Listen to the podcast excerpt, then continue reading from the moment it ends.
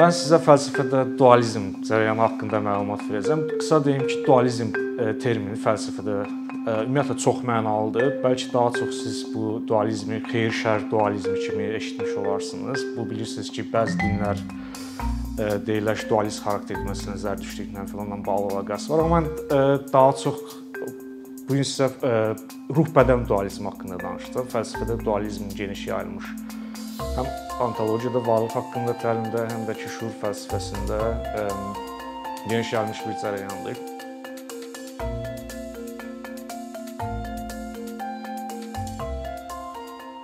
Kökləri kifayət qədər ə, qədimdir bunu və bu keçməmişdən qabaq qısa qısa onun haqqında məlumat verim ki, bizim ə, dünya görüşümüzlə bağlı, yəni fəlsəfə ilə heç əlaqəsi olmayan insanların dünya görüşündən bağlı xeyli dərəcədə sıx bir ə, dünya görüşü formasıdır.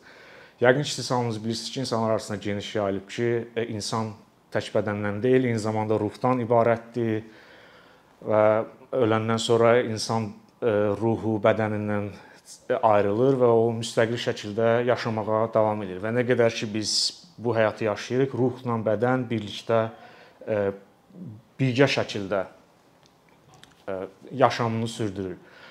Bu çox maraqlıdır ki, bu görüş geniş olduqca geniş tərəfdarları olsa da fəlsəfədə hətta insanların çoxusuna elə gəlir ki, bu bu dindən qaynaqlanan bir görüşdür. Monoteist dinlərdən, İslamdan və ya xristianlıqdan Bu görüşün kökləri daha qədimdir. Yəni bunu e, biz e, fəlsəfə tarixinə müraciət etsək, e, Platonun əsərlərində rast gəlmiş oluruq. Platon Fedon dialoqunda ilk dəfə bu ruh bədən münasibətləri, ruh haqqında fikirlər sürür, onun ölməzliyindən danışır. Və Platon bunun ilk görkəmli nümayəndəsi hesab oluna bilər. Platon ümumiyyətlə antologiyası ikili dual dual səciyyə daşıyır. Platon isə belə hesab eləyirdi ki, ideyalar dünyası mövcuddur və bir də ki, onların kölgəsi olan adi dünya, gördüyümüz yəni bu dünya ideyalar dünyasının kölgəsidir və insan özü də bədənlə yanaşı ruhdan ibarətdir və ruh bədənə enməmişdən əvvəl o dünyada ideyalar dünyasını görübdür və insan dünyaya gələndə ruh bir növ bədənə Platon belə aşağılayıcı şəkildə deyir, türm zindana enir ruh. Və çox maraqlıdır ki, e, Platonun e, epistemologiyası da, idraç nəzəriyyəsi də xeyli dərəcədə e, bu ruh bədən dualizmindən əlaqələnir. Platon deyir ki, insanın nəyisə anlaması, nəyisə dərk eləməsi əslində səmada o hiperuraniya adlandırırdı. Bu latınca, e, üzr istəyirəm, yunanca bir e, kosmoqonik təsəvvürlərlə bağlı yer adıdır. Orda yerləşən ideyaları dərk eləyir, tutur. Və bu dərk etmə nə cür baş verir? Ona görə baş verir ki, insan ruha malik bir varlıqdır və ruhla ideyada eyni təbiətə malik olduqlarına görə arasında çox ciddi oxşarlıq, mahiyyət oxşarlığı olduğuna görə ruhumuz e, ideyaları dərk eləyərək dünya haqqında e, təsəvvürlərə malik olmuş olur. Və davam eləyir ki, ruh insan öləndən sonra ona görə o dünyaya keçib yaşayır ki, ruh həmişə öz təbiətinə yaxın olan ideyalar e, dünyasına can atır. Necə ki, məsələn, deyək ki, ümumiyyətlə qədim Yunanlarda belə bir təsəvvür var idi ki, təbiətinə hər hər şey öz təbiətinə uyğun şeyə can atır. Məsələn, çaylar dənizə ona görə axırlar ki, su təbiət su çayın da təbiəti sudur və su öz dəniz təbiətinə axmış olur və yaxud daş ona görə yerə düşür ki, daş torpaqdan ibarətdir və torpaq torpaq təbiətinə can atmış olur. Eləcə də ruh da ideyalarla eyni təbiətə malik olduğuna görə həmişə ora can atır, ideyalar dünyasına can atır, oxşarlıq var. Və nə qədər ki bu bədəndədir, o bədəndə bədəndə pərçimlənmiş şəkildədir, onun bir növ zindanıdır, onun təbiətinə uyğun olmayan bir şeydir. Və bu bu əsas tezisləri, yəni Platonun indi qeyd etdiyimiz kimi əsas tezislərdə cəmaət arasında çox inanılır. Yəni bəlkə də mən danışanda indi deyəcək çoxlarının bu xoşuna gəlir ki, necə Çünki adi şuura uyğundur. Yəni bu Platondan gəlir, sonra dinlərə keçir, din vasitəsilə də kütləvilik səciyyəsi daşımaya başlayıb. Yəni ruhun insan ruh və bədəndən ibarət olması və ruhdan ruhun öləndən sonra yaşamağa davam özünü davam etdirməsi. Ancaq bir mühüm məsələni qeyd etmək lazımdır ki, bu ə, görüş özü fəlsəfə tarixində ə, olduqca problemli bir görüş kimi yadda qalıb həm də. Nə qədər cəlbedici görsənsə də bir o qədər də ə, problemlidir. Elə Platonun özündən danışmışkən, Platonun rastlaşlığı, bu dünya görüşünə bağlı rastlaşlığı qeyd edilən problemi. Platonlar belə sual eləyirdilər ki, ondan sonra gələn filosoflar və ya sonra ondan sonrakı Aristotel şagirdi onun qəbul eləmirdi bu dünya bu, bu yanaşmanı. Və sən deyirsən ki, ruhla bədən fərqli-fərqli təbiətlərə malikdir. Və nə qədər ki insanla insan dünyanı yaşayır, insan ruhla bədən bir yerdədirlər. Əgər bunlar fərqli-fərqli təbiətlərə malikdirlərsə, onda insan ömür sürdükcə ruhla bədən necə olur ki, bir yerdə e, yaşayışı e, mümkün olur. Yəni 50 il, 60 il ya nə qədər insan ömür sürür, birlikdə əlaqəsi olmalılar. Və digər tərəfdən isə biz deyirik ki, həm də ruhumuz bizim bədənimizi idarə eləyir. Məsələn, bizim arzularımız ruhi vəziyyətdir, o bizi idarə edir. Məsələn, mən susadımsa tutaq ki, hansısa ruhi vəziyyətdə oluram və o ruhi vəziyyətdə olmağım məni e, sövq eləyir hansısa hərəkət eləyim, yəni bədənimi bir növ idarə eləmiş olur. Bəs bu kontakt necə e, e, mümkündür? Bax bu olduqca problemli məsələdir və sonradan e, bu ruh-bədən dualizmi, dualist dünya görüşünün digər fəlsəfədə görkəmli nümayəndəsi olmuş müasir yeni dövr fəlsəfəsinin yaradıcısı sayılan René Descartes-in e, yaradıcılığında da başqa cür formada olsa da özünü e, göstərir. Dekart hesab eləyirdi ki, insan da o da Platon kimi hesab edir ki, insan ruh və bədəndən ibarətdir və bu Dekart substansiya fəlsəfədə geniş istifadə olunan anlayışdır. Substansiya anlayışından istifadə edir. Deyir ki, ruh və bədən fərqli-fərqli substansiyalar. Nə deməkdir? Bu substansiya terminini qısaca izah edeyim. Substansiya termini substansiya elə bir nəsnədir ki, o özünün mövcud olmağı üçün başqa nəsnələrə ehtiyacı olmur. Yəni müstəqil mövcud ola biləcək nəslədir. Məsələn, ətrafımızda gördüyümüz e, nəslələr, stol, stul, məişət həyatımızda rastlaşdığımız nəslər substansiya deyillər. Nəyə görə? Çünki onlar öz mövcudluqları üçün başqa nəslərin mövcudluqlarından asılıdırlar. Məsələn, stol onu təşkil edən zərrəciklər, atomlar mövcud olması ola bilməz və ya eləcə də başqa hər gördüyünüz hər bir şey. Deməli, bunlar substansiya deyil. Ancaq ə, substansiya yalnız ola bilər ki, o müstəqil olaraq mövcud ola bilsin. Yəni biz indi maddi dünyadan misal çəkdiksə, substansiyaya uyğun gələ biləcək gələ biləcək nəsnə fiziklərin axtarışında olan o elementar zərrəciklərdir, hansı ki, gerçəkliyin əsasını təşkil eləyirlər. Bəziləri deyir bu kvarklardır, bəziləri deyir stringlərdir, string nəzəriyyəçiləri, sim Azərbaycan dilində olduqca ağlasılmaz dərəcədə kiçik e, zərrəciklərdən təşkil olunub. Olacaqsa budur. Yəni maddi dünya üçün.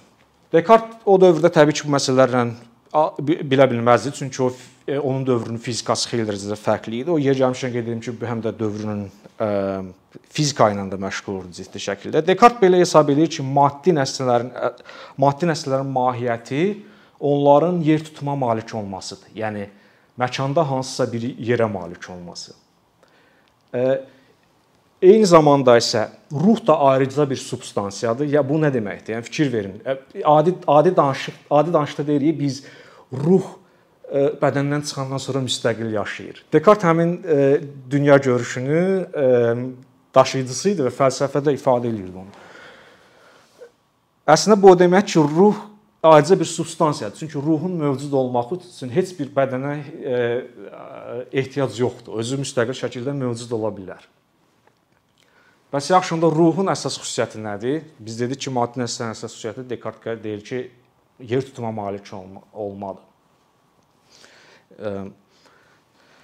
Ruhun əsas xüsusiyyətini isə o şuura malik olma kimi qeyd eləyir. Şuur bizim təəssüf ki, o fəlsəfi terminologiya oturmuş deyil. Ona görə şuur deyəndə qısa izah etməliyəm ki, burada nə, nəyisə fərqində olmaq nəzərdə tutulur. İngilis ingilis dili fəlsəfə ədəbiyyatında consciousness kimi istifadə olunan termindir. Çoxlu sayda misal çəkə bilərsiniz. Siz məsələn yemək yeyəndə nəyisə hansısa dad hiss eləyirsiniz, hansısa əhval-ruhiyyədə olursunuz, hansısa sevinirsiniz, ağlayırsınız, gülürsüz, ağrı hiss eləyirsiniz. Bax bunun özü də belə şuurun bir vəziyyətidir. Şuurun bir vəziyyət. Və Descartes belə hesab edirdi ki, əslində bizim şuurumuz ruhi nəsnədir və o ə, müxtəlif şuurlu vəziyyətlər insan ümumiyyətlə yaşadığı həyat boyu müxtəlif bu cür şuurlu vəziyyətlərin bir-birini əvəz etməsidir insan həyatı. Yəni bir bir, bir, bir gün ərzində dururuq, tam hiss edirik, yemək yeyirik, sonra nə bilim, elə bir film kimi dünya bizim gözümüzün özündə canlanır. Bu yaşantılar filmidir sanki.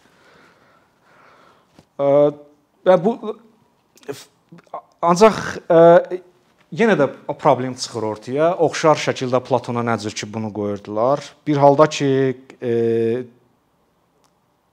Descartes qeyd eləyir ki, ruhla e, bədən fərqli fərqli-fərqli nəsnələrdir mahiyyət etibarı. Yəni bədən özü bilirsiniz təbiətin bir hissəsidir. Yəni təbiətin bir hissəsidir. Deməli o da yeritmə malik olacaq bir nəsnədir. Və bir də mühüm xüsusiyyət qeyd edeyim. Descartes-da nəyə görə o problem çıxır ortaya? Bunu bilmək vacibdir.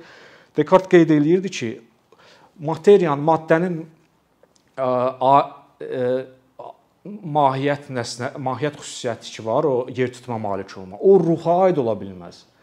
Ruhdakı yer tutma malik ola bilməz. Yəni bunlar bir növ bir-birini istisna edən xüsusiyyətlərdir. Başa düşmək üçün sadə bir dənə misal verim. Yəqin ki, siz ə, siz məşhur film var, Ruh filmi, o səhv eləmirəmsə Jerry Zucker çəkib 90-cı ilin filmidir. Orda ə, belə belə məzmunla ibarətdir ki, bir bir oğlan ölür, onun istədiyi qız olur və o istədiyi qız ətrafında daim cərəyan edən hadisələr olur. Mənfi ruh başlayır ona müdaxilə eləməyə. Və orada maraqlı səhnələr var. Ruh çalışır öləndən sonra ki, müdaxilə eləsin. Onun bir müdaxilə elədiyi əşyaların əl, əli ilə bil toxunmaq istəyir stolun üstə, stolun üstündən keçir və ya divardan keçir. Yəni bu bu buna uyğun gəlir hardasa. Bu fəlsəfədə ki, bu bu Descartes-in yer tutum yer maddi nəsələr yer tutma malikdir və ruhi nəsələr yaşantıya malikdir. Bunlar bir-birini istisna edən və bunlar bir-birini istisna edən nəsələrdir. Bu bu dünya görüşə uyğun gəlir. Nəyə görə? Çünki ruh özünün özü yer tutma malik olmadı, ola bilmədiyinə görə, məkanda yer ala bilmədiyinə görə başqa nəslərə təsir eləyə bilmir. Düzdür, orada rejissor sonra fantaziya qatır ortaya, sonra orada o öyrənir hansısa şəkildə müdaxilə etməyi. Bu burada artıq qırağa çıxmış olur fəlsəfi E, konsepsiyadan. Amma əsas baxış budur. Yəni bunlar fundamental olaraq fərqli-fərqli mahiyyətlər olaraq nəsnədir, substansial olaraq fərqlidirlər. Ona görə də ruh bədənsiz yaşaya bilər rahatca. Descartes belə hesab edir. Ancaq bu bu görüş e, çox e, ciddi tənqidlərə məruz qalır. Yəni elə oxş Platonun rastlaşdığı oxşar problemdir. Fərqli formalar, biraz fərqli formada olsa da, Dekarta belə tənqidlər yağdırırdılar ki, əgər sən deyirsənsə ki, ruhla bədən fərqli-fərqli fundamental fərqli-fərqli nəsələr, mahiyyət xüsusiyyətlərinə malikdir. Yəni ruh yer tutma malik ola bilməz. Onda necə olur ki, ruh bədəndə olan zaman, yəni bizim həyatımız yaşadığımız müddət ərzində bizim bədənimizi idarə eləyir. Axı biz deyirik həm də bizim bədənimizi idarə edən bizim ruhu və yaxud şuurlu vəziyyətlərimizdir. Məsələn, deyək ki, mən istəyirəm ki, Mən arzulayıram ki, e, özümə dondurma alım yeyim və bu arzu ruhi vəziyyət, ruhi nəs e, ruhi e, vəziyyət mənə hərəkət eləməyimə səbəb olur. Mən dururam, gedib dondurma alıb yeyirəm. Hə, bədəni hərəkətə gətirir və çoxlu sayda belə misal götürə bilərsiniz. Və yaxud hansısa ağrı vəziyyəti sizin bədəninizin qıvrılmağınıza səbəb olur. Eləcə də hansısa bədən vəziyyəti, ruhi vəziyyətə səbəb, ruhi dəyişikliyə səbəb ola bilər. Məsələn, tutaq ki, insan xəstələnəndə ağrı hansısa orqan xəstələnəndə orada ağrı yaşayır. Yəni orada gedən fizioloji proseslər təsir etmiş olur ona. Bəs Dekarta sual edir ki, bəs necə olur ki, bu əlaqə mümkün olur? Fərqli-fərqli nəsnələrdir bunlar, mahiyyət nəsnələrdir. Onda bu əlaqə necə mümkün ola bilər? Bu çox ciddi bir problemdir. Fəlsəfədə ingilis dilli ədəbiyyatda mən ingilis dilində deyirəm ki, bizdə terminologiya təəssüf ki, konvensiya yoxdur, razılaşma yoxdur. Mind body problem adlanır. Zehin bədən problemi. Bunun da müxtəlif aspektləri var. Yeni dövrdən sonra bu buna cavab üçün müxtəlif fəlsəfi cərəyanlar yaranmağa başladı. Maraqlı cavablar verirdilər. Elə idealizmin özü, məsələn, Berkeley idealizmini deyək ki, onun özü də biz cavab verməyə çalışırdı paralelizm deyilən cərəyan meydana çıxmağa başladı və s. Ancaq maraqlı xüsusiyyət ondan ibarətdir ki, 19-20-ci əsrin ortalarına qədər filosofların xeyli hissəsi inanır hansısa qaydada ruh və bədən dualizminin mümkünlüyünə inanırdılar. Yəni 19-cu 20-ci əsrin ortalarına qədər hardasa filosoflar arasında populyarlığını bu və ya digər dərəcədə saxlamışdı, itirə-itirə getsə də. 20-ci əsrin ortalarından sonra isə e, beyin beyini öyrənən elmlərin inkişaf eləməsi, xüsusilə e, neuroscience deyirlər də, e, neuro neyrofiziologiya da bəzən deyirlər. Bu müxtəlif qrup sahələri də var bunun. Yəni beyni öyrənən elmlər inkişaf eləyəndən sonra bu ruh və bədən dualizminin tərəfdarlarının sayı azalmağa başladı getdikcə. Nəyə görə? Çünki Əvvəllər ümid var ki, hardasa biz açıb görəcəyik ki, burada bunun yeri burdadır, bunun vasitəsilə. Yer gəlmişsə Dekart özü də problemi həll etmək üçün belə hesab eləyirdi ki, ruh ə, oturub beyində o vəz vəz ə, adı çəkirdi. O vəz beyində xüsusi bir vəz var. Orada oturub onun vasitəsilə idarə eləyir. Elə bil ki, balaca nəsə ə, nəsnədə oturub o vasitəsilə sinirlərə şey göndərməklə, siqnallar göndərməklə və yaxud sinirlərdən siqnallar almaqla bu cür şəkildə idarə eləyir e, bədəni. 19-cu əsrdə 20-ci əsrin ilk yarısında da filosofların bəziləri inanırdılar, çünki həmin dövrdə e, fizikada da Newton mexanikası üstünlük təşkil edirdi. Newton mexanikasında da qəbul olunma, Newton mexanikası da elə verilmişdi ki, onlar belə düşünürdülər ki, müxtəlif güclər e, təbiətdə mümkün də ola bilsin elə e, ruhi nəsə güc deyilən bir şey də var. Necə ki, elektromaqnetik güc də var, elə bir ruhi güc də var. Və və yaxud vital force, həyati güc deyilən bir e, anlayış var idi. O, o var. Ancaq 20-ci əsrin ortalarında bu bu ə, ümid yavaş-yavaş elm adamları, akademik dairələrdə və filosoflar arasında sönməyə başladı.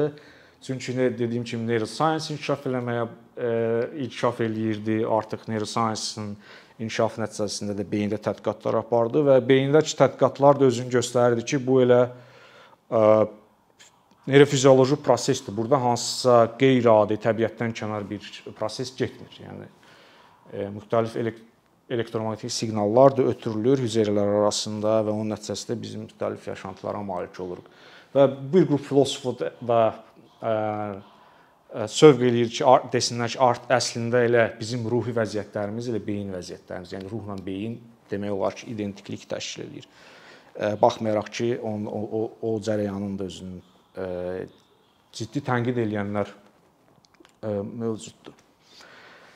Yəni e, qısa rezümə kimi onu qeyd eləyim ki, bu e, insanların bu ruh bədən dualizminə e, geniş yayılmasının əslində fəlsəfi kökləri də var. Tarixə nəzər salsaq, xeyli dərəcədə fəlsəfədə dəbdə olmuş, uzun müddət dəbdə olmuş bir fəlsəfi baxış olubdu. Ə, Ancaq ə, müasir dövrdə də insanlar arasında təbii ki, bu bu dünya görüşü qal qalmaqdadır. Yəni çıxıb küçəyə sorğu aparsanız, ə, çoxları bəlkə də bəyənər və deyər ki, hə, kifayət qədər ağlabatan bir dünya görüşüdür. Ancaq təəssüflə qeyd edim ki, filosoflar və akademik dairələr arasında artıq 20-ci əsrin sonları müasir dövrdə, yaşadığımız dövrdə tərəfdarlarının sayı çox azdır. Bu da bir bayaq qeyd etdiyim səbəblərə görə.